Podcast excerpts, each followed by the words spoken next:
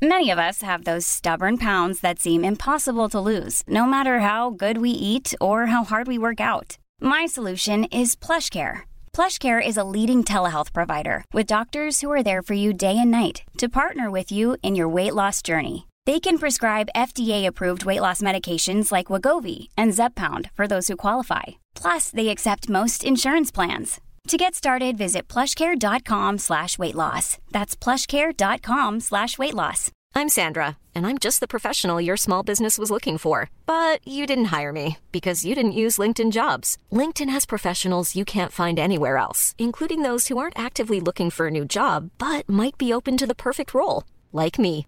In a given month, over 70% of LinkedIn users don't visit other leading job sites. So if you're not looking on LinkedIn, you'll miss out on great candidates like Sandra. Start hiring professionals like a professional. Post your free job on linkedin.com/people slash people today. Hey Dave. Yeah, Randy. Since we founded Bombus, we've always said our socks, underwear, and t-shirts are super soft. Any new ideas? Maybe sublimely soft. Or disgustingly cozy? Wait, what? I got it. Bombus. Absurdly comfortable essentials for yourself And for those facing homelessness. because one purchased equals one donated. Wow, did we just write an ad? Yes. Bombas. Big comfort for everyone. Go to bombas.com slash ACAST and use code ACAST for 20% off your first purchase. Der da jeg kom over Petter Stordalen, og så så jeg at noen eier 200 hoteller, og noen har ikke råd til å ta et hotellrom. Og jeg tenkte wow, det er crazy. Begge to er nordmenn. Begge to bor i Norge. Begge to har norske foreldre. Hva er forskjellen? Jeg skjønte at det er ikke hva folk tror som skaper suksessen. Jeg skjønte med en gang at det er noe helt annet. Det ligger oppi vårt hode. Og så fra den tiden i Tynset begynte jeg jo bare Jeg må bli som Petter.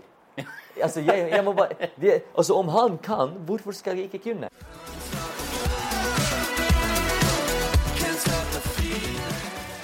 Da er vi tilbake med en ny episode av Impressions Pod. Og i dag har vi kommet oss til Dubai, og vi skal møte Adib her. Adib, veldig trivelig å endelig sette seg ned og prate litt med deg. Tusen takk. Det er jo, og vi er jo hjemme hos deg i tillegg, så det er ikke Ja. dårlig. På Address Beach. Dette her er det sykeste boligkomplekset i Dubai. En av de, i hvert fall. En av de, Vi ja. har akkurat lansert en som heter Royal Atlantis. Ok. Det er next level. Den, den Der flytter du. Ja, Address Beach synes ikke liksom foran det der. Det er crazy shit. Men her er saken med Dubai. Hvert, liksom, hvert år kommer det et nytt prosjekt som er mye sikrere enn den førre. Ja, Ja. det bare går og går. Ja. Hvorfor Dubai og ikke Abu Dhabi? Veldig godt spørsmål. Dubai pga. nettverket. Ja, Så de, altså det nettverket som jeg ser etter, befinner ikke seg i Abu Dhabi. Selv om at jeg har familie i Abu Dhabi, og det er mye mer rolig sted. Men Abu Dhabi er ikke opptatt av å få mange immigranter dit. nei. Abu Dhabi har penger. Ja. Altså det, det er olje, oljebyen. Ja. Så de bryr seg ikke om at folk skal komme og jobbe, whatever. Så de vil bare ha det mer sånn stille og rolig. Dubai derimot, de er mye mer opptatt av hvor mange mennesker de kan tiltrekke til seg. Mm. Så da må de gjøre sikkert Og her snakker vi mer engelsk enn arabisk. Ja. Selv om det er et arabisk land. Men jeg bruker ikke mitt arabisk språk i det hele tatt. Nei. Så nettverk er hovedsakelig. Det er derfor jeg kom til Dubai. Ja. Bare i det bygget her er jeg blitt kjent med folk som kan potensielt endre mitt liv fullstendig. Bare i det bygget på, i løpet av fire måneder. Men Address Beach er jo Ja. the best of the best. Selvfølgelig. Selvfølgelig. Eh, kjapt, fortell litt. Grann, eh, det er jo mange som ser det online og, og, og ser det på både YouTube og TikTok og overalt. Men i dine egne ord, eh, fortell litt. Grann, hvem, hvem er egentlig Adib? Og bare kjapt om din historie. Du, vi har sett noen klipp fra NRK og sånne. Ja. Ta oss kjapt gjennom din historie. Ja, altså jeg, jeg kom til Norge som flyktning når jeg var 16 år gammel, og da opplevde jeg krig der. Så jeg trenger ikke å ta hele den historien, fordi den befinner, befinner seg allerede på NRK. Men jeg hadde det veldig veldig dårlig i Syria, og enkelt sagt jeg skulle bli drept. Fordi jeg gikk ut i en demonstrasjon mot regjeringen fordi vi mistet elektrisitet. Det var mye bombing. Så, så mitt eneste mulighet var å flytte til utlandet. Noen sted. Og jeg ble kjent med noe som heter asyl. At europeiske land hjelper flyktninger som har veldig dårlige situasjoner, spesielt de som flykter fra krig.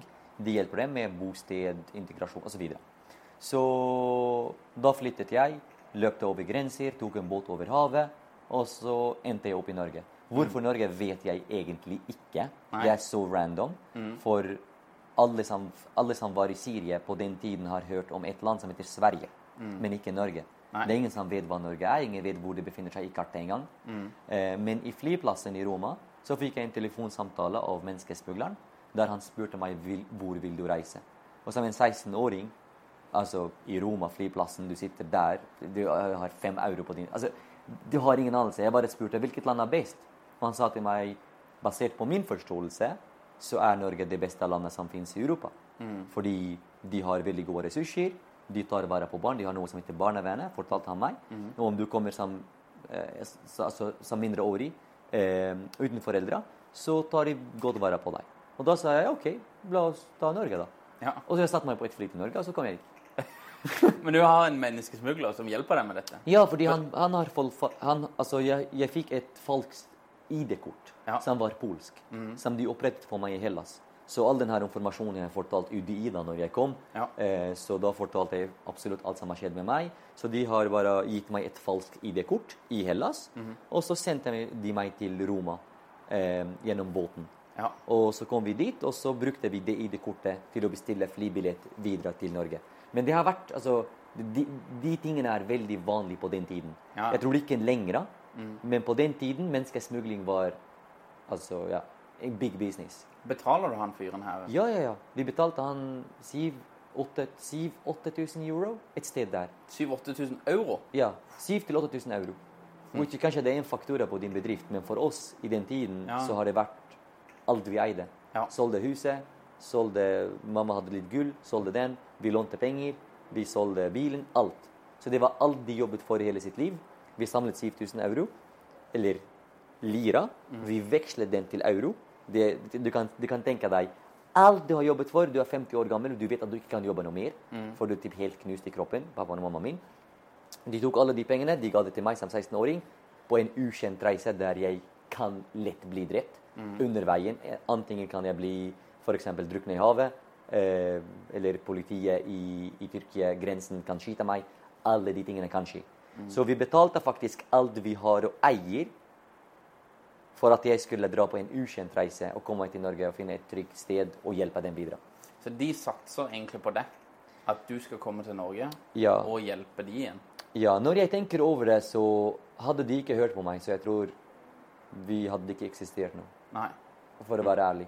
Men kanskje mine Altså, jeg har veldig mye begeistring. Mm. altså, altså, jeg er veldig excited hele tiden. Ja. Så jeg tror min energi i leiligheten i Syria uten elektrisitet Det var det som hjelpte til at min mamma ble overtalt på at ok, kanskje det er smart. Ja. Fordi om du kan forestille deg selv at du er La oss si, la oss si det skjer krig i Norge, da. Og så kommer sønnen din som er 16 år gammel og sier han til deg jeg vil flytte og søke asyl i Vietnam. Og du, what the fuck? Og så sier han selg huset ditt i Grünerløkka, f.eks. om du har det. Selg alt du har og gi meg 7000 euro fordi jeg skal flytte til Vietnam. Og, og du ser sønnen din som 16 år gammel kan ingenting, og du skal sende ham på flukt. Altså Om du kan forestille deg det, det er, det er veldig hardt. ja. Men på noe vis så har vi klart det. Men hun visste at jeg skulle bli drept om hun hadde ikke gjort det. Så skjønner du? Liksom, Sende deg og bli drept med alle våre penger, eller sitte her og la alle bli drept. Altså, ja. Begge er ille. Det er en veldig brutal måte, men du veier det litt opp, egentlig. At ok, dette er the lesser Ja. of two evils, egentlig. Ja, og, da, jeg sa det til min familie på den måten. Om vi blir her nå, la oss si vi beholder de pengene, vi vet at noen gang vil det komme en bombe på det bygget vi bor i. Da har vi mistet huset uansett om du selger det eller ikke. Vi har mistet bilen uansett. Og jo mer tid det går, jo verre det blir. Så det fins ingen mulighet. Nei. Men på den andre siden, ja, ting kan gå galt. Veldig galt. Men i hvert fall det fins en liten oppside at det kan gå bra. Så la oss ha fokus på at det kan gå bra, og kanskje det går bra. Og det var mitt eneste fokus gjennom den tiden. Ingenting annet. Så når jeg satte meg i båten liksom, på veien til Hellas eh, så, der så der sitter liksom folk rundt meg eh, i båten, mange er redde, men jeg var så gira.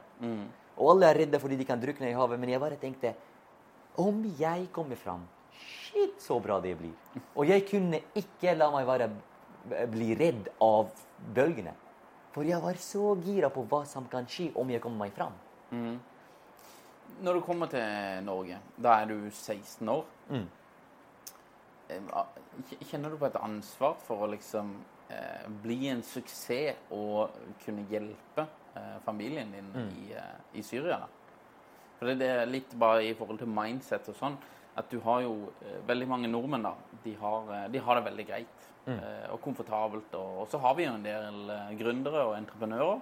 Men eh, noen som, som det vil jo ha en, på en måte, motivasjon som eh, er veldig annerledes enn det du har i Norge, eller Ja. som, som nordmann. da. Ja. Eh, Hvordan tror du det har impacta deg til liksom å starte for deg selv og prøve å liksom skape noe eh, for deg selv? da? Riktig. Så i Syria f.eks. så må vi finne ut av situasjonen og gjøre det beste ut av det. Og normalt sett når vi sier 'finne det beste', altså gjør det beste ut av det, jeg snakker, det er ganske tragisk. I Syria er det hardt. Så om du klarer å tjene penger i Syria, du er allerede en liksom Altså, du er konge.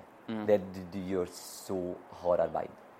Når jeg kom til Norge, så Jeg ble bosatt i en kommune som heter Tynset. Og når jeg kom dit, så fikk jeg en PC, jeg fikk en sykkel, og jeg fikk liksom klær for 20 000-30 000. Jeg fikk veldig mye ting som jeg aldri fått før noen gang i hele mitt liv. Og liksom Hva jeg skal forklare? Det overrasket meg hvor bra standard det fins i det landet. Og om det er bra standard, det betyr det er bra muligheter. For om de kan gi meg en PC, det betyr det fins muligheter, det fins ressurser. Og automatisk begynte jeg å tenke at OK, jeg må jo gjøre noe med det. Jeg kan ta den PC-en og sykkelen nå og bli kjempeglad. Men jeg kan også ha noen mål som jeg kan løpe etter. Og mitt første mål var å hjelpe familien min. Men det jeg merket der i Norge, folk har ikke mål. De fleste sier at jeg har et mål. Men om du sier mitt mål er å kjøpe meg et hus, eller ta et lån fra banken for å ha en leilighet, det er ikke et mål. Mm. jeg, kan, jeg sier ikke på det som et mål, men de fleste har det som et mål. Eller om de sier jeg skal fullføre skolen. Men det er ikke jeg kan ikke se på det, det er obligatorisk. Skulle bare mangle. Altså, det er obligatorisk. Du kan ikke si 'kjempeglad jeg har gjort skolen'. Hva, hva skal du gjøre ellers? Så jeg begynte å tenke ok, første målet er å hjelpe familien i Syria. Da har jeg ansvar på meg. Så da må jeg skaffe meg jobb. Så jeg satt meg sammen med eh, altså de ansatte som jobbet i barnevernet, og jeg sa til dem Gi meg hvilken som helst jobb. Jeg er villig til å jobbe for 2000 kroner, og jeg kan jobbe 12 timer om dere vil. Jeg kan slakte alle de som jobber på Kiwi. Jeg kan jobbe 12 timer. Uten stress. Om de gir, gir meg 2000-3000 kroner. Fordi jeg kan ta disse tre og sende det til familien min. De kan overleve der. Og det startet der. Så jeg følte at hele tiden har det vært at liksom På grunn av at jeg hadde det målet og det ansvaret på meg, det har pushet meg for å si at jeg, jeg kunne jobbe tolv timer, og ingenting skjedde med meg. Tenkte om jeg kan gjøre det på fem, seks, syv, åtte, ni, ti år, tenk hvor jeg kan være. Ja. Og en annen ting var det at jeg begynte å se forskjeller. På Tynset så fins det én person, jeg husker ikke navnet hans, eh, men han eier typ halve Tynset. Én person. Han eier masse bygg, han kjøper ting. Og jeg kunne se forskjeller. Noen bor i bygget hans og betaler leie til han, mens han slapper av i stranda. Så jeg begynte å se forskjeller allerede på lille Tynset. Og da tenkte jeg Se på dette her og sammenligne det i Oslo. Da er syke forskjeller. Det er da jeg kom over Petter Stordalen, og så så jeg at noen eier 200 hoteller, og noen har ikke råd til å ta et hotellrom. Og jeg tenkte wow, det er crazy. Begge to er nordmenn. Begge to bor i Norge. Begge to har norske foreldre. Hva er forskjellen? Jeg skjønte at det er ikke hva folk tror som skaper suksessen. Jeg skjønte med en gang at det er noe helt annet. Det ligger oppi vårt hode. Og så fra den tiden i Tynset begynte jeg jo bare Jeg må bli som Petter. Altså, jeg, jeg bare, det, altså, om han kan, hvorfor skal jeg ikke kunne? Nei. Men da begynte folk å si ja, men han har andre, annerledes forutsetninger. Han er norsk. Du er ikke norsk engang. Han forstår det og det. Jeg sa ok, vent litt. Om han er ikke norsk, det betyr jeg er egentlig bedre enn han. For om jeg kan skape en suksesshistorie og ikke norsk, jeg kan inspirere andre mer enn han. For da han kan bare si jeg er norsk, ja, men alle er norske. Men jeg kan komme fra Syria og få framgang og suksess. Da er jeg mer spesiell. Så jeg brukte mine svakheter som en fordel. Så jeg merket at det var liksom veldig store forskjeller, og så tenkte jeg om alt er mulig, hvorfor skal jeg velge det lille? Tror du det er mulig? Jeg tror alt er mulig. Selvfølgelig er alt mulig. Hva er dine mål? Mine mål er å inspirere så mange mennesker som mulig og vise dem at alt er mulig. Fordi jeg hadde ikke det forbildet når jeg startet. Så jeg skulle ønske når jeg var 16 år gammel at jeg hadde en som heter Adina. Som viste meg veien som jeg viser veien til mennesker i dag. Fordi folk gjør ikke store steg på grunn av, mangel eh, Altså mangelen på deres troskap på deres egne evner. Du tror ikke at du kan for noen annen rar grunn som egentlig ikke eksisterer et annet sted enn ditt hode. Så for eksempel, da. Om jeg hadde trodd på meg selv like mye som jeg gjør nå, når jeg var 16 år gammel, så vet jeg for 100 sikkerhet at jeg hadde Om vi skal snakke økonomisk messig, så hadde jeg i hvert fall vært kanskje 500 millioner i dag. Fra da jeg var 16 år gammel. For du har ingen aning ett år hvor, hvor mye et år er. Men jeg kastet veldig mange av mine år av at jeg ikke trodde på meg selv. Så jeg tenkte om jeg bare klarer å fullføre skolen og få meg en jobb Du kan gjøre mye mer om du vil. Jeg snakker bare om du vil. Så det er ingenting galt med det. Men om du vil. Men jeg trodde ikke at jeg kan gjøre noe, fordi de fleste sier bedrifter starter for seg selv, tjener veldig mye penger, er ikke noe for deg. Det er bare for de som er veldig spesielle. Hvem er de da? De ser eksakt like ut som oss. Det er ikke noe spesielt med dem. De bare ville det. Så det er derfor. Tror du at um, din historie og din bakgrunn gjør at du er eh, villig til å uh, gå lenger for å oppnå suksess enn andre? Så vi vet jo at det finnes nordmenn som er ekstremt rike og skapt veldig store verdier.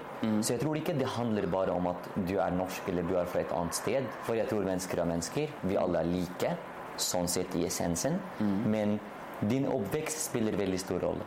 Så for eksempel, jeg er alltid Ok, jeg kan gi deg et eksempel som forklarer alt veldig simpelt. Hver eneste fredag vi muslimer går på moskeen for å be. Eksakt som kristne går på søndager i kirken.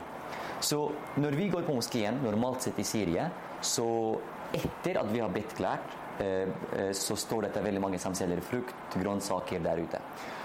Og jeg kommer fra en fattig familie. Utenfor, ja. Og jeg kommer fra en fattig familie. Og da gjør de liksom spesielle tilbud. ikke sant? Jeg kommer fra en fattig familie, og jeg hadde lyst på bananer. Det er ikke noe vi kjøper til vanlig hos oss. Jeg er veldig ærlig om det. Det er så vi var. Så da vet jeg, som en ung gutt sammen med pappaen min, når jeg går ut, så har jeg cirka jeg vil si to og en halv minutter på meg til å overtale pappaen min på hvorfor vi bør kjøpe bananer fra det stedet med det tilbudet, og hvorfor er det viktig at han skal bruke penger på det. Så jeg har to og en halv minutter. Så da må jeg allerede begynne å analysere markedet, butikkene og det tilbudet og forklare til han før vi har kommet oss hjem. Skjønner du? Så du gjør egentlig et salgsjobb til din far? Ja, eksakt. Fordi jeg hadde lyst på de bananene. Så på grunn av eh, oppveksten min så har jeg blitt pressa til å utvikle skills som nordmenn ikke trenger det. Fordi om du har en datter, Nei, jeg har en sønn. du har en sønn. Om sønnen sier 'pappa, jeg har lyst på bananer', trenger du diskutere evigheter med han for å kjøpe bananer? Om dere er på Kiwi og han sier 'jeg vil, jeg vil ha en muffin', så jeg ikke ta den. Står ikke og krangler med han. Nei, nei. Men det gjør vi i Syria. Så med tanke på at du ikke trenger å gi han motstand, han trenger heller ikke diskutere med deg. Nei. Men det er bra. God standard. Han får det han vil ha. Men det er også dårlig, fordi når det er bra, det er også dårlig. Så for oss er det dårlig at vi ikke kan kjøpe bananer, men det er bra fordi vi utvikler skills. Så jeg har to og en halv minutter på meg til å overtale han. Og da har jeg allerede lært meg disse skillsene av natur. Jeg trenger ikke kjøpe en salgskurs. Jeg har allerede solgt bananer på pappaen min som en niåring. Eller når jeg skal ta en buss for å gå på en treningssenter. Da, har jeg, da vet jeg at jeg må forberede meg to dager, og overtale min mamma for at hun skal gi meg ti lira for at jeg skal ta bussen til gymmet. Men det trenger ikke nordmenn. Og det er det som blir problemet. Når din sønn vokser og han har alt han trenger, hvorfor skal han gå en mil ekstra? Han kan ringe pappaen sin og si 'Hei, leien er Nadir. Jeg går på universitetet her på, i Tromsø. Leie Nadir, kan du vippse meg 2000?' Sier du ja? Han trengte ikke å finne en løsning. Men du sier nei ja, 'Jeg må betale leie, jeg må kaste ut av leiligheten. Finn ut av deg selv. Du kan, du kan ikke komme tilbake igjen.' Du er 18 år. Den. Så jeg må finne en løsning. Ja, finn en jobb, da. Nå har han begynt å utvikle sine skills. Det er det problemet jeg ser i Norge. Alle får det, det de vil. Så du tror det å ha motstand er, er viktig for å liksom bygge skills i ung alder? Ja, hvordan får vi diamant? Vi får diamant fordi vi brenner dritten ut av det steinet som ikke ser kult ut. Og den går gjennom under masse pressure og masse ting. Og så blir den diamanten som vi betaler millioner for. Og det er det diamanten er et menneske. Jo mer motstand du får, og du klarer å løse det. Petter Stordal, når jeg møtte han, han kalte meg for løvetann-barn. Det var nok for meg at han kalte meg det, at han så det i meg, for at jeg begynte å tro enda mer på meg selv. For jeg tenkte en person på hans nivå ser på meg, kaller meg for et løvetann-barn, og så sa han etter det Jeg vet at du klarte det. Kanskje, kanskje alle klarer ikke å komme like langt som du har kommet. Så han sa noen ord som jeg begynte å analysere på det intervjuet. Og de ga meg så mye tro på meg selv. Og det er sant. Han sa også til meg alle, tre, alle mine tre barn hadde fått veldig nytte av å sitte og snakke med deg. For jeg vet at de har fått alt de trenger i sitt liv. De er liksom Altså, tenk at du er sønnen til Stordalen. altså, hva er det du vil ha som du ikke får? Garasjen deres har kanskje 20 luksusbiler. Huset deres koster 150 millioner, skjønner du? De tjener kanskje de snitter på 40 millioner dagen. It's done. Så for å ville noe for å ville noe og ville at du skal gå langt og, og bli bedre enn alle andre, da må du oppleve motstand. Du må alltid ville ha noe som du ikke får, og du må prøve å finne en løsning hvordan du kan få det allikevel. I Norge vi opplever ikke det. I Tynset, når jeg kom, jeg sa jeg trenger klær. Så ja, ok. Jo, her trengte jeg ikke diskutere engang. Hva er det der? Så jeg, jeg har lyst på laks i dag. Wow. Men, skjønner du? Ja, ja, det det, for, for meg er det helt sykt. Ja. Altså, jeg trenger en PC. Ok. Så jeg ringte min mamma og jeg sa jeg får en PC her uten å diskutere. Du diskuterer meg for å gi meg en ti lira. Skal jeg hate deg nå, eller? Skjønner du? Men jeg er takknemlig for den oppveksten, og det er det jeg prøver å si. Derfor vet jeg at norske ungdommer med deres forutsetninger derimot Om, om sønnen din kan utnytte at han har en pappa som heter Stian, som kanskje omsetter 10 millioner i sitt bedrift, og har kunnskap, og han kan utnytte den på en smart måte, så har han, har han mye bedre forutsetninger enn alle andre som bor i Afrika, for å skape noe mer. Men vi begynner å, vi begynner å bli late. Av at vi får alt uten å få motstand for det. Jeg er egentlig ganske enig i det. Det, det er utrolig viktig å ha motstander på en måte jobbe litt for tingene. Det er det. Og det, det er også enig i at du utvikler en god del skills på det. Jeg blir veldig redd når jeg ikke er redd. Ja. Ja, så, så gjennom, gjennom mitt liv så har jeg alltid liksom Å, ting kan skje. Noe feil kan gå. Mm, mm, mm. Jeg må ha fokus. Og når jeg har den følelsen at jeg liksom slapper av og livet er nice, nå blir jeg redd. For nå vet jeg at noe veldig dårlig kommer til å skje snart. Men de fleste i Norge er avslappet. Ja. For det verste, hva er det verste som kan skje? Miste jobben din, du går på Nav. Ja, det er det. easy. Du blir ikke kasta ut, ut på gata. Men jeg blir det i Syria. Ja. Nei, det var, det var også interessant når vi starta, vi starta dette i 2015. Og Da gjorde vi en liten analyse av hva det verste som kunne skje var.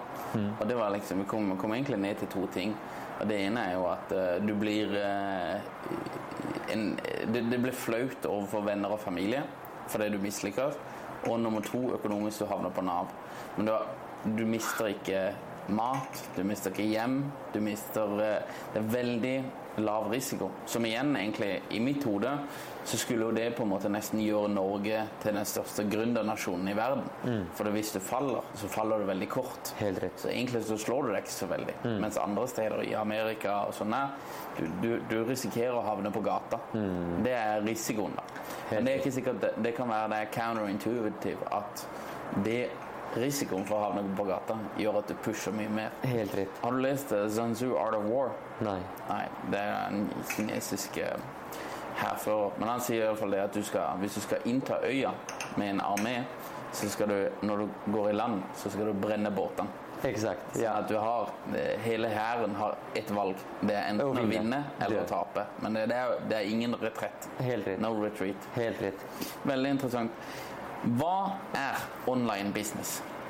Online business er For du Altså, prater det- om dette i videoene dine. Du sier online business. Jeg Ja. ser at det er mange som lurer på dette. her. det, det, det er ekstremt mange kategorier. ikke sant? Ja. Online business det bare betyr at istedenfor at din butikk finnes på gata, din butikk finnes online. Ja. Men den butikken kan selge hva som helst. Det kan være produkter du selger, det kan være tjenester du selger som deg, f.eks. Så du selger en tjeneste. Men du trenger ikke nødvendigvis å gå og åpne et kontor midt i Oslo, og at kunden skal komme til deg. Du er ikke fysisk bundet med din tid til å treffe noen fysisk. Du kan gjøre det bak din skjerm. Når jeg forsto det, så tenkte jeg å drive noe online gir mye mer muligheter for liksom tidsfrihet, økonomisk frihet for all del, fordi scalingen blir mye større enn å drive noe altså fysisk. Din online business, hva driver- er den? Helt konkret. Ja, jeg driver med online consulting. Ja. Consulting betyr at jeg gir råd til noen bedrifter som trenger, som trenger råd, som har mislykket i en spesifikt område. Det finnes to typer av det. SMMA, som er Social Media Marketing Agency, som jeg tror du driver med. Close. Close. Og så finnes det consulting. Når vi snakker med consulting, så det er ikke bare markedsføringstjenesten jeg tilbyr. Jeg kan også bygge en CRM-system for deg. Jeg kan bygge en mailautomasjon for deg. Jeg kan være spesialist på landingssider. Så jeg velger en spesifikk nisje, bedrifter som har eh, likheter, og så ser jeg på deres mest smertefulle problem, og jeg løser det. Veldig mange tror at det er social media marketing agency, men mitt problem er det bare at det er veldig mange som gjør det i dag. Så det, liksom, det blir sånn 5000 mennesker som, eh, som sier jeg kan gjøre Facebook ads, men det finnes 50 tannleger i det stedet. Så 5000 som skal levere markedsføringstjeneste til 50 leger. Det blir ubalansert. Det er derfor, når du driver med consulting, så blir det litt mer bredere. Du kan løse andre typer problemer i bedriften enn kun markedsføringen, og du kan ta mer betalt for det. Det er selvfølgelig mer komplisert, men du tjener mye mer. Men dette er til bedrifter. Ja. du gjør det, og så selger du også til privatpersoner. Exakt. exakt. Og da er det- Så, så to selskaper har jeg. Jeg har WeConsulting.me. Det er mitt consultingselskap. Fordi jeg kan ikke lære deg noe som jeg ser. ja. Jeg kan ikke lære deg noe jeg ikke selv gjør. Eh, og det er det som er mitt problem med skolen. Folk lærer deg ting de ikke gjør. Så på BI de skal lære deg markedsføring, men kanskje læreren har aldri drevet med markedsføring. Han har aldri åpnet en business manager på Facebook. Du har ikke retten til å lære med markedsføring, men så systemet funker. Så jeg gikk veien først. Jeg omsatt for to millioner. Jeg løste problemet for kundene. Jeg vet hvordan man skal skaffe kunder, hva man skal skrive til dem, hvordan man skal selge. Satt opp all denne informasjonen i et kurs og leverte. I tillegg til lære mindset. Fordi jeg kan vise deg alt, men det er ikke nødvendigvis at du gjør det. Nei. Fordi kanskje du ikke er villig. Da må jeg også lære deg hvorfor du skal bli villig. Det er mindset. Det er mye større andel av kursen. Og det er kurset mitt som jeg selger. Og hvorfor jeg solgte det? Fordi når jeg postet mine resultater på Facebook i starten med WeConsulting, der jeg begynte å snitte på 100 000 i omsetning Men du vet, i en sånn bedrift omsetning er nesten lønn. Fordi du har ikke utgifter enn bare dine fingre. Så da begynte folk å skrive til meg hva er det du gjør for å tjene 100 000? Og da fikk jeg veldig høy etterspørsel. Folk vil vite. Og da tenkte jeg ok, om veldig mange vil vite, jeg kan skape et kurs. Og når jeg solgte til de første kundene, jeg hadde ikke kurset klart. Nei. Jeg solgte før jeg bygde, for å se at om markedet virkelig vil ha det. Og da innså jeg at det er veldig mange i Norge som ikke har lyst til å gå på en jobb. De har ikke lyst til å gå på skolen, de har lyst til å gjøre noe annet, men de vet ikke hvordan. Og da tenkte jeg jeg kan fylle opp det gapet. Det er et problem som finnes i markedet, jeg kan løse det. Hva er fordelinga mellom private og bedriftskunder? Hva jobber du mest med, eller hvem- har du flest kunder av? Privat mer. Privat mer? Ja, fordi det er selvfølgelig Det er mye vanskeligere å selge. Det er mye vanskeligere å selge og levere, men det er enklere å scale. Ja. Så det er vanskeligere, det er mye mer motstand, det er mye mer eh, Altså, du må være obs på veldig mye mer ting, men det er enklere å scale. Eh, på bedriftsmarkedet så har jeg få kunder. Så vi omsetter mellom 200 000 300 000 i måneden. Vi har få kunder. Operasjonene våre er ganske sånn Det er ikke så Skjønner du? Så det, er- det er mer, sånn, mer stabilt. Ja. Mm. Mm. Selger du for det meste, for du, du har jo eh, Du profilerer deg mot Norge, men du har også en arabisk eh, kanal. Ja. Eh, Er den arabiske delen av eh, salgsaktiviteten din større enn den norske? For du har flere følgere på den arabiske Ja. kanalen. ja.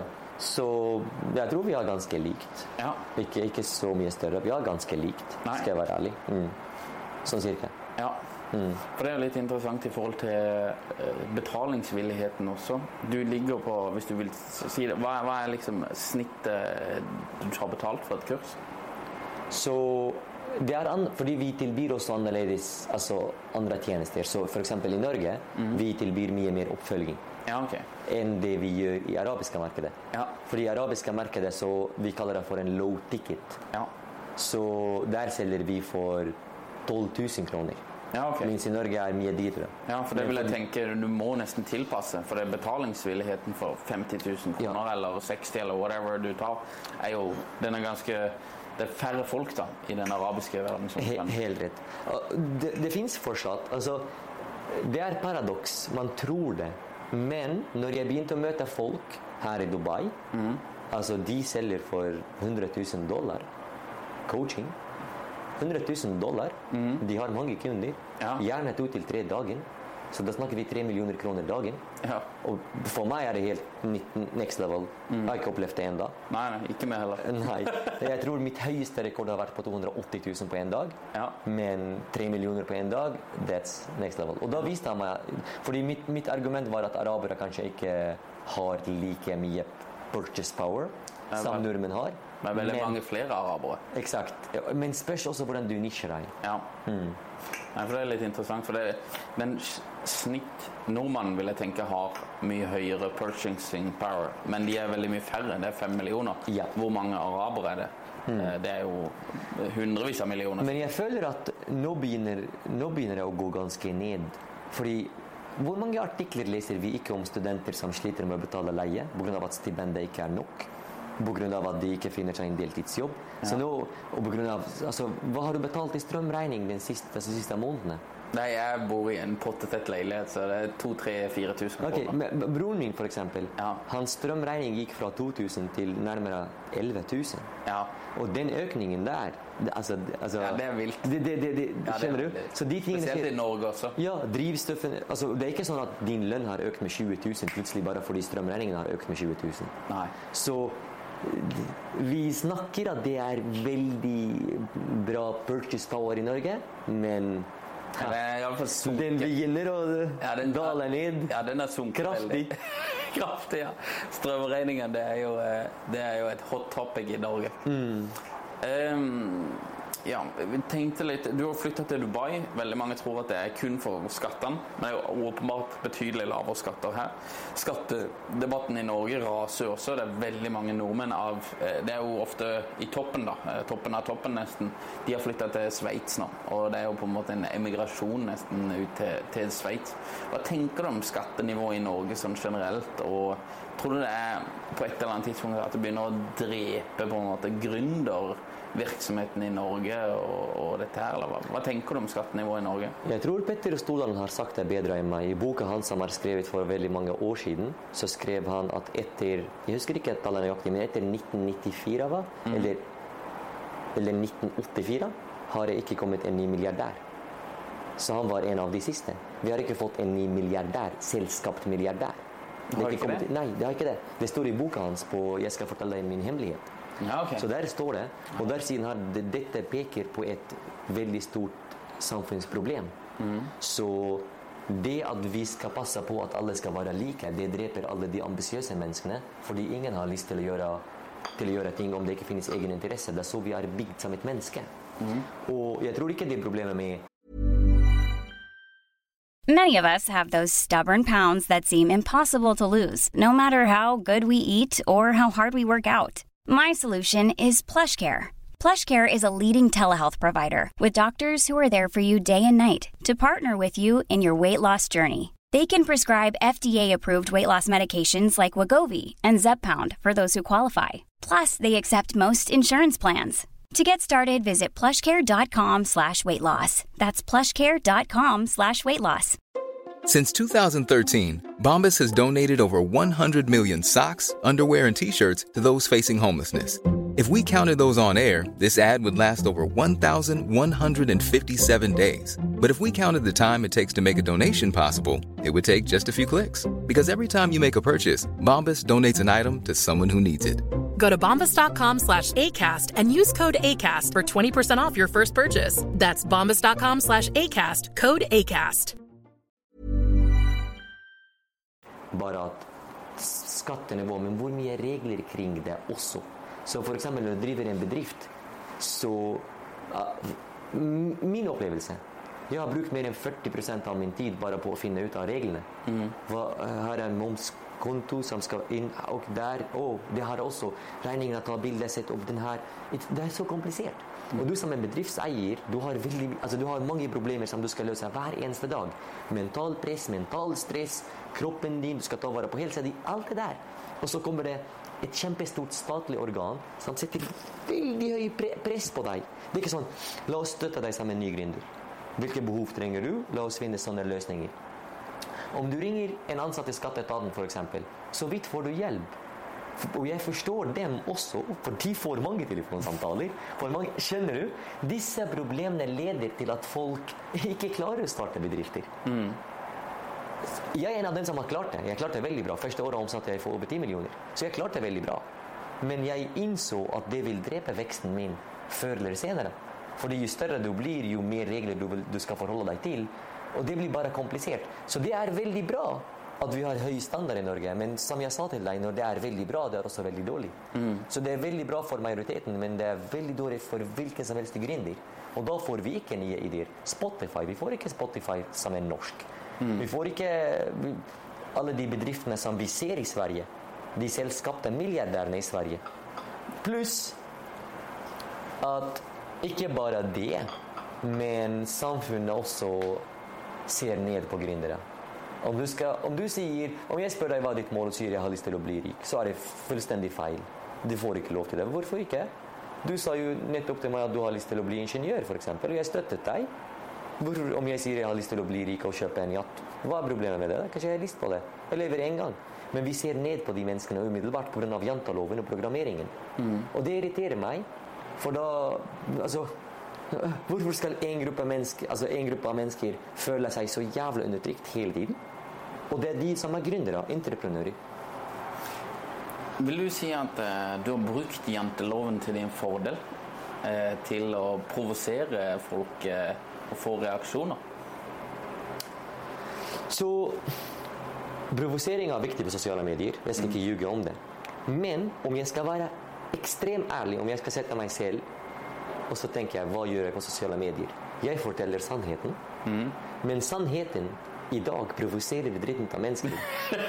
ja, tror du det? Skjønner du? Ja, selvfølgelig tror jeg det. Sannheten. Så for eksempel, da. Om du går på skolen, og du får en full utdannelse etter BI, så tror du automatisk i ditt hode at du er the king of the kings. Du har fuckings ingenting! tror folk det? Ja, folk tror det. Tror de det? De tror det. Når de er ferdig og de har fått sin utdannelse klart, og de har klart liksom, gode karakterer, så tror de oh, boom, look at me. Broren min, du klarer ikke å betale strømregningen ennå. Det, det, det, det, er ingenting som er spesielt med det. Så de fleste tror automatisk at de har gjort noe veldig stort om de har klart skolen eller fått seg en jobb. Men det er ikke sannheten. Og når jeg kommer ut og sier jeg Hei, du. Før du begynner å bli veldig stolt av det du har gjort, se på han der til høyre. Han kjørte nettopp en Lamborghini ved siden av deg. Han har, han har 300-400 millioner på konto. Han er også typ 28 år gammel. Så slapp av. Pust litt. Forstå at det du har gjort, er ikke så veldig stort. Det finnes mye større enn det. Når jeg sier det på den måten Ja, du er negativ. Skjønner du? Dette er sannheten. Fordi da, si, da sier jeg til folk at du kan få mer enn hva du har. Kan jeg det? Nei, det er tull. Det er et løgn. Jeg kan ikke det. Men noen nordmenn vil da svare deg opp og si at suksess kan ikke bare måles i penger. Det er andre ting i livet. Frihet, gå på ski, oppe i Holmenkollen, eh, nyte livet. Ja, men mange vil si det. At eh, det er andre ting, liksom. Det er ikke så viktig med penger. Har jeg nok, så går det greit. Hva vil du si til det? De ljuger. De ljuger. Ja. Er penger alt? Litt mer enn alt. Litt mer enn alt? Basert på min opplevelse, Ja. så er penger litt mer av alt. Nå sier jeg ikke at penger erstatter alt. Nei. Så du fortsatt trenger kjærlighet, vet, du fortsatt trenger sex, du fortsatt trenger å se barnet ditt, du fortsatt trenger å ta vare på helsa di. Men hvorfor om jeg sier at penger er viktig, så skal du motargumentere på at de andre tingene er viktige også? Jeg, jeg, jeg, jeg er enig. Jeg sier jeg er enig, du må gå på ski. Men her er spørsmålet mitt. Ja. Når får du mer frihet? Når du har mer penger eller mindre penger? Noen vil si at når du får mer penger, så får du mindre frihet. Men andre vil si Spørs måten du har strukturert din bedrift på. Ja, Spørs måten du har ditt liv på. Men det er veldig absurd å si at f.eks. Stordalen har mindre frihet enn en enkel individ som går på en jobb 8-4 i Norge. Det er et veldig absurd argument å si. For vi vet at det ikke er sannheten. Ja. Han, kan, han kan nå i dag si opp seg. Mhm. Og han har mer enn nok penger til å ligge i stranda resten av sitt liv uten at noe skjer til hans, hans generasjon, altså hele sin familie. Det er jeg enig i, men samtidig så tror du, tror du Petter Stordalen med 20, 200 hoteller eller hva han har, eh, korona, ditt og datt, tror du ikke han har et høyere stressnivå enn veldig mange andre nordmenn? Han er jo under et Tror du, tror du han jobber mindre enn vanlige folk? Han jobber jo sikkert mye mer. Ja, men det er fordi han brenner for det han gjør. Ja. Og det har ingen relasjon altså det, Egentlig, det temaet har ingen relasjon. Så det første spørsmålet som er veldig viktig å understreke, om vi sier er penger alt? Så mitt svar til det er penger er mer enn alt. Det er mitt svar til det. Det er basert på min opplevelse. Ja. Og jeg har veldig mange, altså veldig mange gode eksempler på det. Hver eneste dag har jeg samtaler med ufattelig mange mennesker. Når jeg spør hva problemet er, og de begynner å fortelle, og da spør jeg ok, hvorfor, så forteller de hvorfor. De forteller hvorfor, så leder det ned til økonomien. Og da vet jeg om det fins økonomi, så hadde de problemene ikke eksistert i første omgang. Nå sier jeg ikke at du ikke kommer til å få problemer når du har penger. Selvfølgelig, og kanskje større. Men det løser så mye mer i ditt liv om du har mer penger og du er finansielt sterk. Punktum finale. Om vi går på gata i Oslo, og så stopper vi hvilken som helst person, og vi spør hvorfor går du på jobben, de fleste sier «Eh, det er gøy. Men om du sier ok, jeg tilbyr deg en jobb med 20 000 ekstra, så å, kan du det? Det, vil jeg ha. Det, er bare en sannhet. Men hvorfor sier mennesker penger er ikke alt, og de begynner å avvise det? Fordi de tror ikke at de kan få penger. Så det er mye enklere for, for dem å si at nei, penger er ikke alt, og det er mye bedre med å ta vare på helsa di. Jeg tar vare på helsa mi også, når jeg tjener 10 millioner. Skjønner du? De, vil ikke, de vil ikke fortelle deg at de ikke har klart det. Så folk vil ikke innrømme på at de har ikke klart å tjene de pengene de egentlig vil. Så de begynner å gjemme seg bak det argumentet at penger er ikke alt. Men om du sier her er 10 millioner, vil du ha dem? Sier ja! Sier nei, jeg vil ikke ha dem, jeg vil ta vare på helsa mi. Hvem gjør det? Hvem, hvem faen gjør det? Nordmenn. Tror ikke det. Tror ikke det. Du vet du hvor mange meldinger jeg får bare daglig på Instagram som, av folk som bare spør meg hvordan jeg skal tjene mer penger? Jeg er veldig lei livet mitt. Men samtidig fordi folk føler så store press når de snakker om penger i Norge. For det er ikke et akseptabelt tema. Nei, jeg tror det er penger er tabubelagt i Norge. Ja, selvfølgelig. De, de, de vil at du skal tenke at penger ikke er alt. Så du kan gi det til staten. Enkelt. Så det er liksom, Stordalen sier ja, fortsatt tro at penger ikke alltid gir Gi, gi meg dine penger. Jeg kan, for, jeg, kan forhandle, jeg, jeg kan behandle dem bra. Vi må prate litt om hate på Ja. sosiale medier. Du får en god del hate. Hva, hva tror du er grunnen til det? Er det bare pga. at du provoserer, eller ønsker folk å se at du feiler, eller eh, hva er det vi Hva er liksom brodden her? Så en veldig viktig ting, jeg får ikke mye hate, jeg får en del. Jeg, jeg anser haten jeg får på sosiale medier er veldig normal sammenlignet med andre kreatører. Erik Sæter får hate fordi han snakket om overvektige mennesker. Baris Breivik, eh, Breivik får hate fordi han snakket om overvektige mennesker, og han snakket om eh, kjønn. Så, og jeg tror de får mer hate enn hva jeg får i utgangspunktet. Så om du åpner en video av mine videoer som har 100 000 views, du ser kanskje 11 000 likes kontra 50 kommentarer, 20 av dem er hatefulle. Så prosenten er veldig lav. Men grunnen til at jeg får hate, som sagt igjen, det er fordi jeg forteller sannheten. Men jeg kan eliminere hate til fullstendig. Jeg vet hvordan jeg er ikke dum. Jeg kan gjøre det. Om jeg skal snu på det og ikke fortelle sannheten. Så om jeg skal snakke til deg som et offer, og jeg kan si til deg Stian, jeg skjønner at du ikke tjener de pengene du vil, stakkars deg, det er på grunn av dem. Det er av dem, det er de, de som du fortjener mye mer. Da begynner du å elske meg. Men om du sitter på T-banen på veien til jobb, du virkelig, virkelig er ikke glad i livet ditt, og nå er du trøtt, og så ser du Adib står på TikToken din, klokken sju på morgenen, og sier han du kan få Slutt å fuckings være overviktig! Let's go! La oss trene mer! La oss ha mer fokus! Sier du du også? Faen i helvete! Du også skal si det! Ser du ikke hvor, hvor mye mitt liv suger av dem? Så vi tror ikke at det er av oss, vi tror det er av dem. Det er derfor når jeg sier nei, nei, det er av deg, min venn. Vi kan forandre på det om vi vil. Se på meg, jeg er flyktning, jeg fikk suksess. Å, det er av at du er en scammer. Garantert, fordi jeg har prøvd, jeg har ikke ikke klart å få det til. Så om jeg snur måten jeg prater på på sosiale medier, jeg kan få alle til å elske meg, og jeg vet eksakt hva jeg trenger å gjøre. Men da er jeg fake. Jeg vil ikke gjøre det. Fordi jeg vet at du kan ha null penger, starte fra scratch og bygge opp et liv du er veldig stolt over.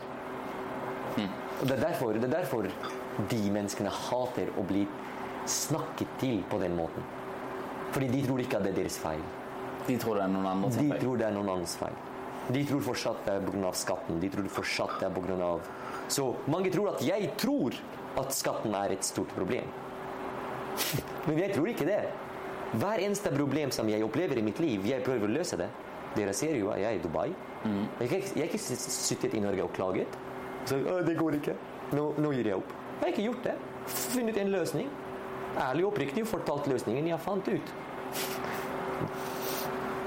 Det er en del folk som sier at du er en scammer, og at du lurer folk, og at det er Mr. Scam, ikke Mr. Dubai.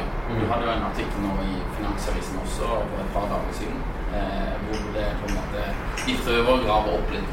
Hva vil du si til folk som sier at du er en scam? Altså, de fleste som påstår det, har aldri kjøpt noe fra meg. Vi har aldri hatt en dialog sammen. Så du, vi, kan ikke, vi kan ikke bevise at vi hadde liksom, mail-dialog der jeg prøvde aktivt å skanne noen. Så det er en skikkelig påstand, men jeg vet også hvor den kommer fra. Og ofte er det en liten utsendelse.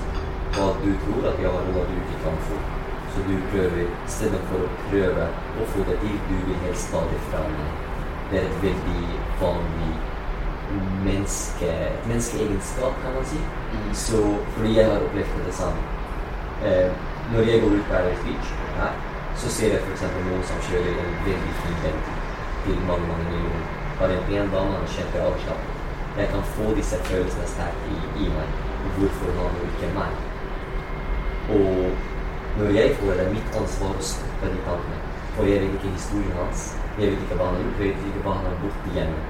Det er mitt ansvar å styre mine tanker på et rett spor. Da må jeg tenke kanskje han har gjort veldig hardt for det. Jeg får ønske hans altså, good luck. Veldig bra jobba. Fin bil, fin kone. Lykke til. Når jeg gjør det, så sender jeg ut veldig bra energi til universet. Da vet jeg at jeg kommer til å få det tilbake.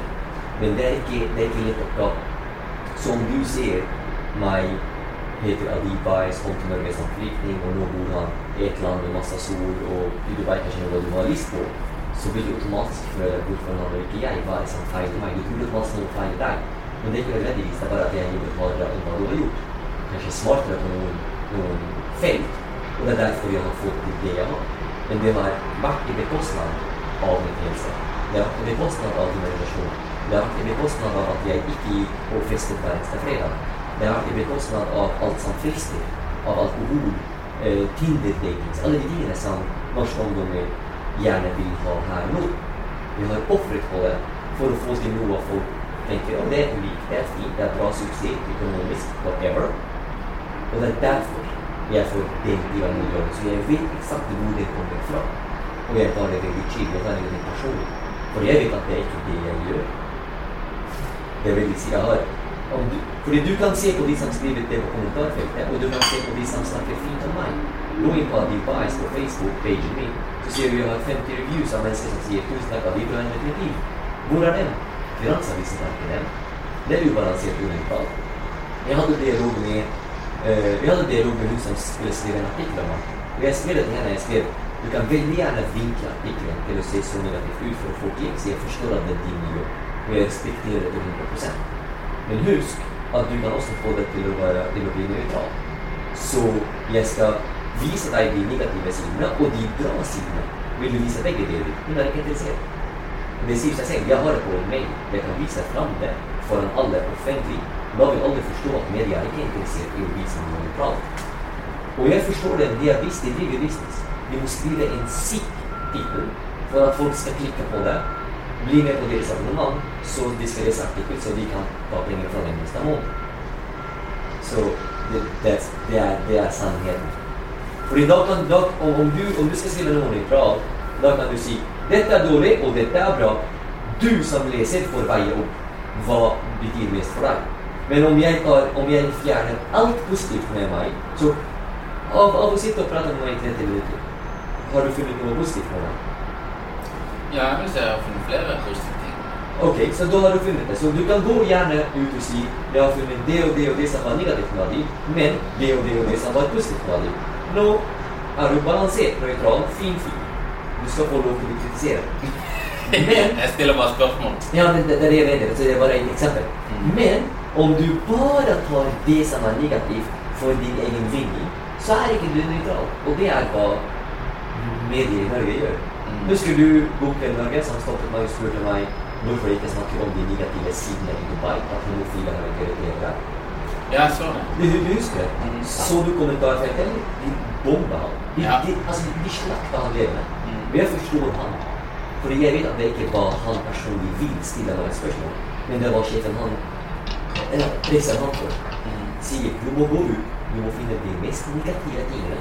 Vi må snakke om det, for det er det folk er interessert i å høre om.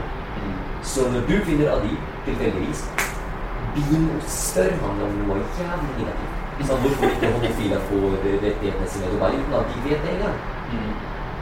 Jeg har funnet noen TikToks der jeg og Ella, en kompis av meg holder våre, våre hender midt i, midt i marinen. Vi skal poste ut det for å bevise resten av verden at vi får lov til det. Jeg og Alla, vi kommer av meg, holder våre hender i BR Dubai Marina. Der politiet står og ser på oss. Ingen tar oss. Rart. Jeg vet at det er veldig rart. Jeg fikk en melding av Kitchen Man. Han spurte meg du, jeg og Dan er ikke gift. Tror du vi får lov til å ha sex i hotellet? Uten at vi skal bli tror- altså, Hvor har du hørt det fra? Norsk medie. Og når vi skal forklare hvorfor norsk medie gjør det, veldig sikkert, det går tilbake til økonomi. Fordi om vi skal se på en norsk stat Norsk stat tjener penger på at jeg, du som rik, bor bruker pengene våre i Norge og sirkulerer dem. Om jeg føler at norsk stat presser meg til å ikke bo i det landet lenger, og vil ha mer for deres egne interesser enn min interesse, så velger noen nordmenn å flytte ut, som du kan se noen milliardærer flytter ut, som du fortalte meg om. Da tolker norsk stat på det. Da må, hva må vi gjøre? Nå må vi få kulturen i Norge til å snakke ned de menneskene som flytter ut, uten å høre deres side av saken. Skjønner du det? Det, det, er så det funker. Så da går vi ikke til Dubai og finner ekte påstander og snakker om det. Vi må bare si til folket at Dubai er så dårlig by.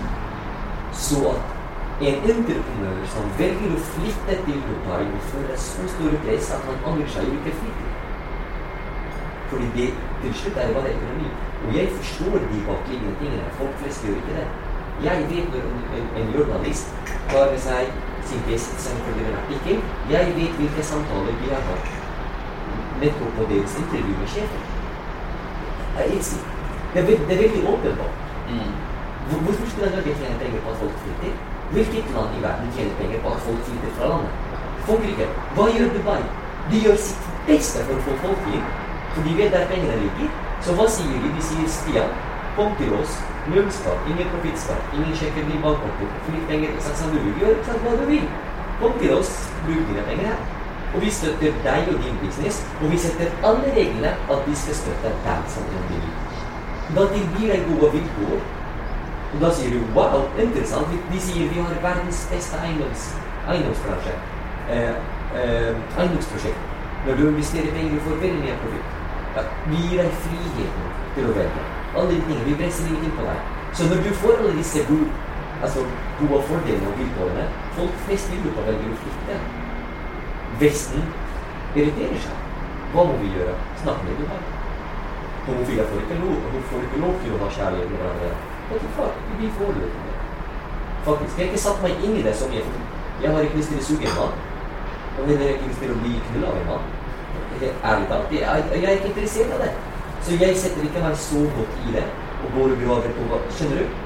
Men allikevel, jeg kunne sett at det er mange homofile som har sitt liv veldig fantastisk og fint her. En annen ting som er veldig viktig. Når jeg hadde den samtalen med min kompis, så fortalte jeg han om hva avisen artikkelen skrev om meg i Norge. Han sa til meg veldig enkelt svar. Han sa jeg har ikke lyst til å svare dem egentlig. La oss ta mobilen vår og gå, gå nå 20 minutter i marina. Jeg sa hvorfor? Så bare starta mot starta. Så går vi, går vi, går vi. Så så, så, så han på meg og sa har du sett noen uteringer? Jeg sa nei. Han sa la oss gjøre det samme i Oslo. Hvor mange sier det? Så tusenvis av det. Han sa så de er opptatt av å løse våre problemer i Dubai, hvorfor homofile får ikke ha kjærlighet for hverandre. Men de har tusenvis av uteliggere på gata som de ikke klarer å løse. Så de skal kritisere. Og vet du hvordan, hvordan setene på, på vanlig park, kaller park, er bygget i Norge. De har bygd sånn på gårdsskikt. Hvorfor det? For at folk ikke sover på dem. De gjør ikke det i dag. Bare, bare se på de små detaljene. Men det er jo en god del skyggesider og Ja, ja, det er det. Men føler du Men at først det, må vi fokusere ja, føler du at det er eh, urettferdig? Det, det er åpenbart uh, en del negative aspekter. Men føler du at det er urettferdig at du blir en representant for å skal forsvare det? Hva mener du? Altså at det skjer negative ting. Ja, det, ja, det er veldig urettferdig. Så er det du som må Ja. forsvare det. Ja, selv, ja, men selvfølgelig. Ja, men selvfølgelig. Hver eneste dag Jeg klipper meg hos en kompis av meg som heter Jalan. Han er en kjent person. Klipper du deg hver dag? Nei, nei. Jeg klipper, sa jeg hver dag? Ja. Å ja, da hadde jeg sagt noe feil. Jeg klipper meg hos en person som heter Jalan. Han er kjent Ja. eh, på sosiale medier. Mm. Men med tanke på at han er kjent, så alle de som klipper seg hos ham, er også veldig kjente public profiler. Mm. Og de er fra Frankrike, Spania, eh, Russland Fra all over the places. Hvorfor bor de her? Hvorfor flytter alle disse verdifulle menneskene hit? Hva skjer? Hvorfor, hvorfor, lar vi, hvorfor lar vi franske rivieraen som sitt fantastisk ut, og flytter til Dubai? Mange vil jo si lave skatter. De fleste kan tro det, men, men det er ikke eneste grunnen. Det er friheten vi får.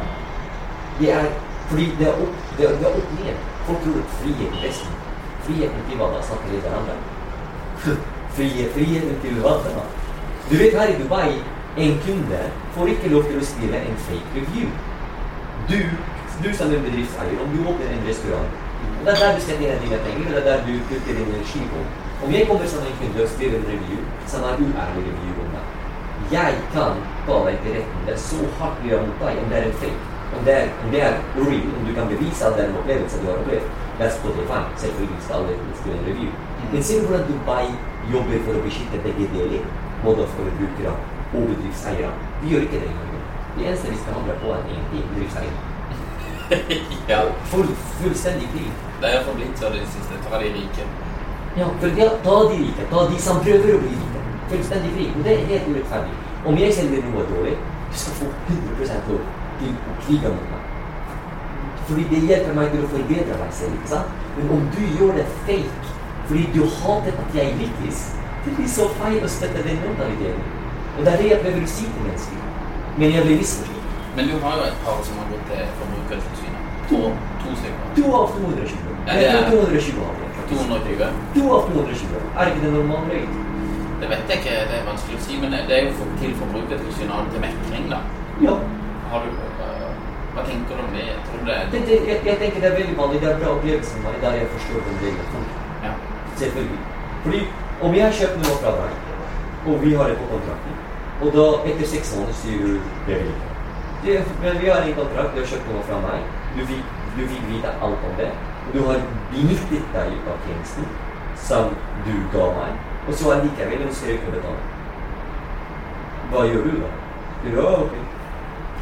Eh, Selvfølgelig vil du, vil, vil du gå videre, vil du se hvordan det foregår. Vel, hva? Mm. Har du gjort, uh, har du gjort noen ting du angrer? At jeg ikke brukte sosiale medier for lenge siden. Ja. Det er det, er, det, er det meste jeg angrer på. ja.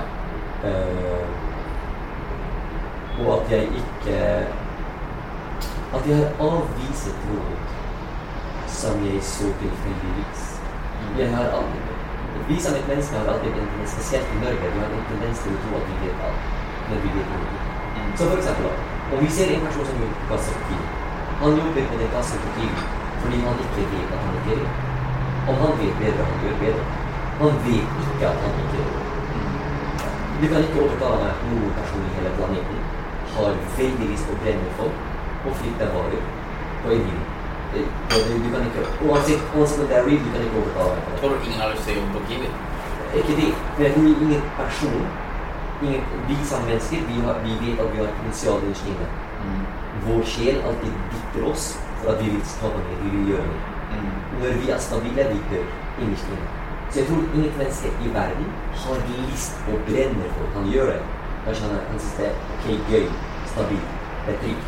Men han har ikke lyst. Han står ikke og sier Og nå skal jeg putte de varene. Jeg tror ikke det. Det kan ikke overtale meg. Så det betyr Hvor var vi? Nei, eh, om du har gjort noen ting nå? Ja. Ja. Eksakt. Så, så med tanke på at Eller for å knytte det eksempelet med, med ditt spørsmål Det jeg angrer på, det er at jeg har gjort disse handlingene. Jeg jobbet på bensinstasjon, jeg jobbet tingene. Det var fordi jeg ikke visste noe bedre. Men om jeg hadde vært litt mer åpen og nysgjerrig på hva som foregår der ute, at det finnes nok penger for alle, at det finnes nok muligheter for alle, så hadde jeg begynt å gjøre mer. Hadde begynt å tro meg selv.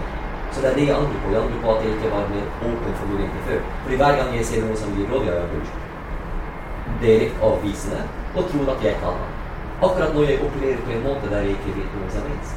Så hver gang jeg møter en person på æresstyr, så mm, jeg, jeg, jeg er veldig åpen til alt han sier. Jeg prøver å analysere alt han sier. Jeg trenger ikke at han hans råd gjøre eksakt hva han fortalte meg, men jeg er i hvert fall åpen og prøver å forstå alt han sier, uten å være avvisende innerst inne og tro at jeg er bedre enn han automatisk. Mm. Det angrer jeg skikkelig på at jeg har vært den personen en gang i tiden i Norge. Tror du mange nordmenn på en måte låser, låser ut eh, Jeg snakka med en annen fyr som, eh, som driver bilflipp, som er et kurs på eh, å selge biler. Yeah. Det er online-kurs, det også. Online business. Eh, han mener at vi i Norge ligger veldig langt bak på dette med å lære fra andre. Ja. At, det- at det er Vi lærer på skolen, og det er sitt, liksom. Ja. At eh, andre deler av verden, USA kanskje, og andre deler av verden ligger mye lenger framme. Vi har mye mer aksept for å lære av andre som har på en måte gått den veien eh, som man kanskje selv ønsker å gå. da. Mm. Er helt enig. Er helt enig. Fordi vi har veldig mye stolthet i Norge. Og det er veldig vanlig at alle tror at vi vet alt, vi kan alt. Det føles som om jeg skal lære fra noen. Altså, når jeg ble for integrert i norsk kultur, så begynte jeg å føle på samme følelse. Da vil entusiastisk til å høre på deg. Du er ikke bedre enn meg. Sier da. Hoteller i Norge. Det er ikke sånn at det kommer en person som åpner døra for deg. ikke sant? Det er eksempel her i Dubai er veldig vanlig. Jeg personlig liker ikke det. Jeg vil åpne skal du ha. Jeg vil ikke. Men jeg mener, i Norge er det veldig sånn Disse typer jobbene der det snakker om høy service, det er veldig uakseptabelt. Men vi kan se den trenden hvor den går. Den går på at du er aldri bedre enn meg. Så, bare- jeg sier ikke at jeg er bedre enn deg. Kanskje jeg har oppnådd mer enn deg, og du kan lære av mine erfaringer som kan spare, meg, som kan spare deg penger og tid. Og da kan du mer meg. Om du samler min erfaring og hans erfaring, hans erfaring blir din fordel. Men de avviser deg umiddelbart. Og det er veldig vanlige. Ja, det tror jeg også. Jeg tror det er en eh, type innebygd motstand mot det. Mm. Jeg tror det er greit. Eh, hvis du kunne gitt deg selv et råd for ti år siden, hva ville du sagt til deg selv for ti år siden?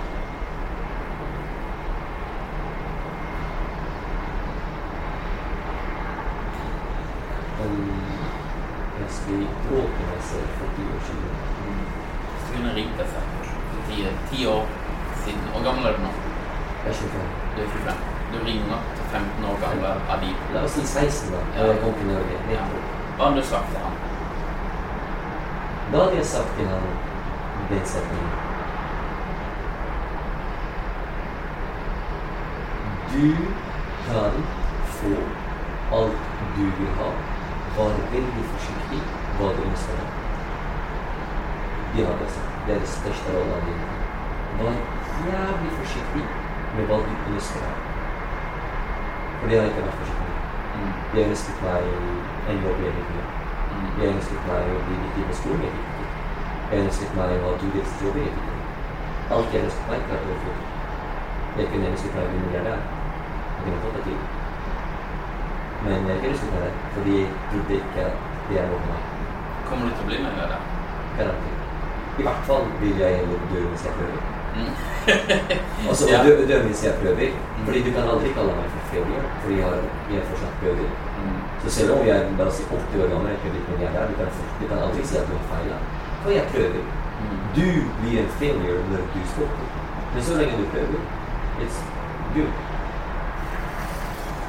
Er, du har brukt sosiale medier, og det, bare pratet kraftig om det i stad, men du har brukt sosiale medier til å få oppmerksomhet og få suksess. Du har jo den der arabiske kanalen også, som har eh, ganske mange eh, subs. Hva er liksom dine beste råd eh, til folk som ønsker å av sosiale medier i 2023 for å oppnå enten markedsføringssuksess eller whatever, hva de ønsker å oppnå?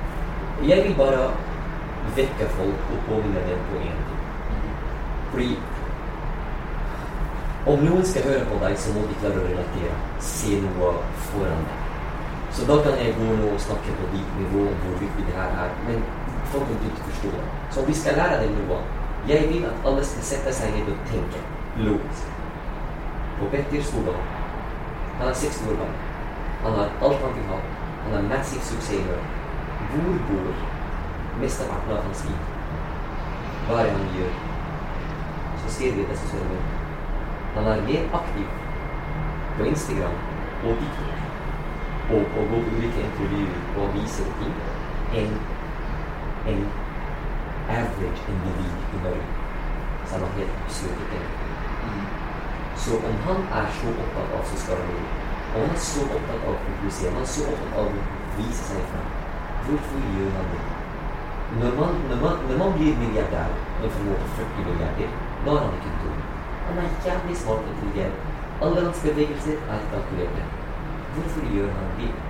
Det betyr at han forstår at den største kraften og powerful som er sosiale medier, og det er der han legger sin tid. Selv om at han har 200 hoteller. Folk sier jeg er opptatt av å bedrift seg med. Stå opp med nei. Han har 200 hoteller, 19 000 ansatte. Om han kan sette det her i pause og bruke mesteparten av sin tid på sosiale medier, da forstår vi at det er jævlig viktig. Så det jeg vil av fått, at de skal bare tenke logisk på hvorfor disse menneskene gjør det. Og når de tenker logisk, så forstår de fordi det vil gi høyest avkastning på lang sikt. Ikke nå. På lang sikt. Uansett hva du skal selge, så må jeg vite om det først. Og den beste måten å vite om det er gjennom sosiale medier, fordi der alle befinner seg. Både haterne og de som elsker deg. Det betyr at jeg utsetter utsette meg. utsetter meg for eksponering. Og gjennom å begynne å bli god på det, uten å ta til personlig. Så prøv selv om du tror at du ikke ser bra ut. Prøv selv om du tror at du ikke har ting du kan snakke bra om. Prøv så du kan bygge skill underveis. Det, det angrer jeg skikkelig på at jeg ikke gjorde fra, fra før av. Fordi det som har stoppet meg, i mitt eget hode der jeg tenkte at jeg ikke prater perfekt norsk, alle kan ikke le av meg. Se hva jeg gjorde med utdanning på den. Ja, se hva du gjorde med utdanning.no! Tydeligvis, tydeligvis, dette var min største styrke. Ja. Så de visste, det er styrke å ikke snakke perfekt norsk. Jeg visste ikke det. Det er unikt med en gang. Ja, folk sier. La oss si da, for noen så sier de på kommentarfeltet noen skriver, noen skriver, ja, se på han bilden. Ja, se på mine views da. Mm. To millioner i uken. Jeg vil heller bli kalt for en tulling med to millioner views, enn bli kalt for ingenting ikke kalt to millioner views. Veldig logisk. Men jeg, jeg har aldri hørt om utdanning.no før du snakker om det på TikTok. Ja. ja, men Er det et statistikknettsted, eller? Jeg tror aldri Den er helt amazing. Ja. Den nettsiden er så fantastisk. Jeg takker den som har lagd den. Ja. Jeg tror det er et kjempebra prosjekt. Vi bare viser studentene hva de kan få etter at de går den spesifikke retningen. Hvilken jobb de får, hvilken tittel de får, og hvor mye penger de tjener. Så den hjelper deg basically til å justere dine tanker på hvilken retning du har lyst til å velge. Mm. Så for eksempel når du bli ingeniør, jeg skulle studere på Kristiansand universitet i Agder, så da gikk jeg på utdanning.no, søkte den retningen, søkte hva man kan tjene, og det jeg gjorde før jeg valgte å studere, jeg reiste fra Tynset til Kristiansand for å snakke med folk som studerer den retningen og spørre hvordan det går. Om de er gira, ikke gira, angrer, happy, hva man Skjønner du? Og da kalkulerte jeg hva man tjener, og basert på den kalkuleringen bestemte jeg meg om dette er bra for meg eller ikke. Og da fant jeg ut at hm, nei, å studere fire år for å få en jobb er ikke bra meg. Jeg vil annet.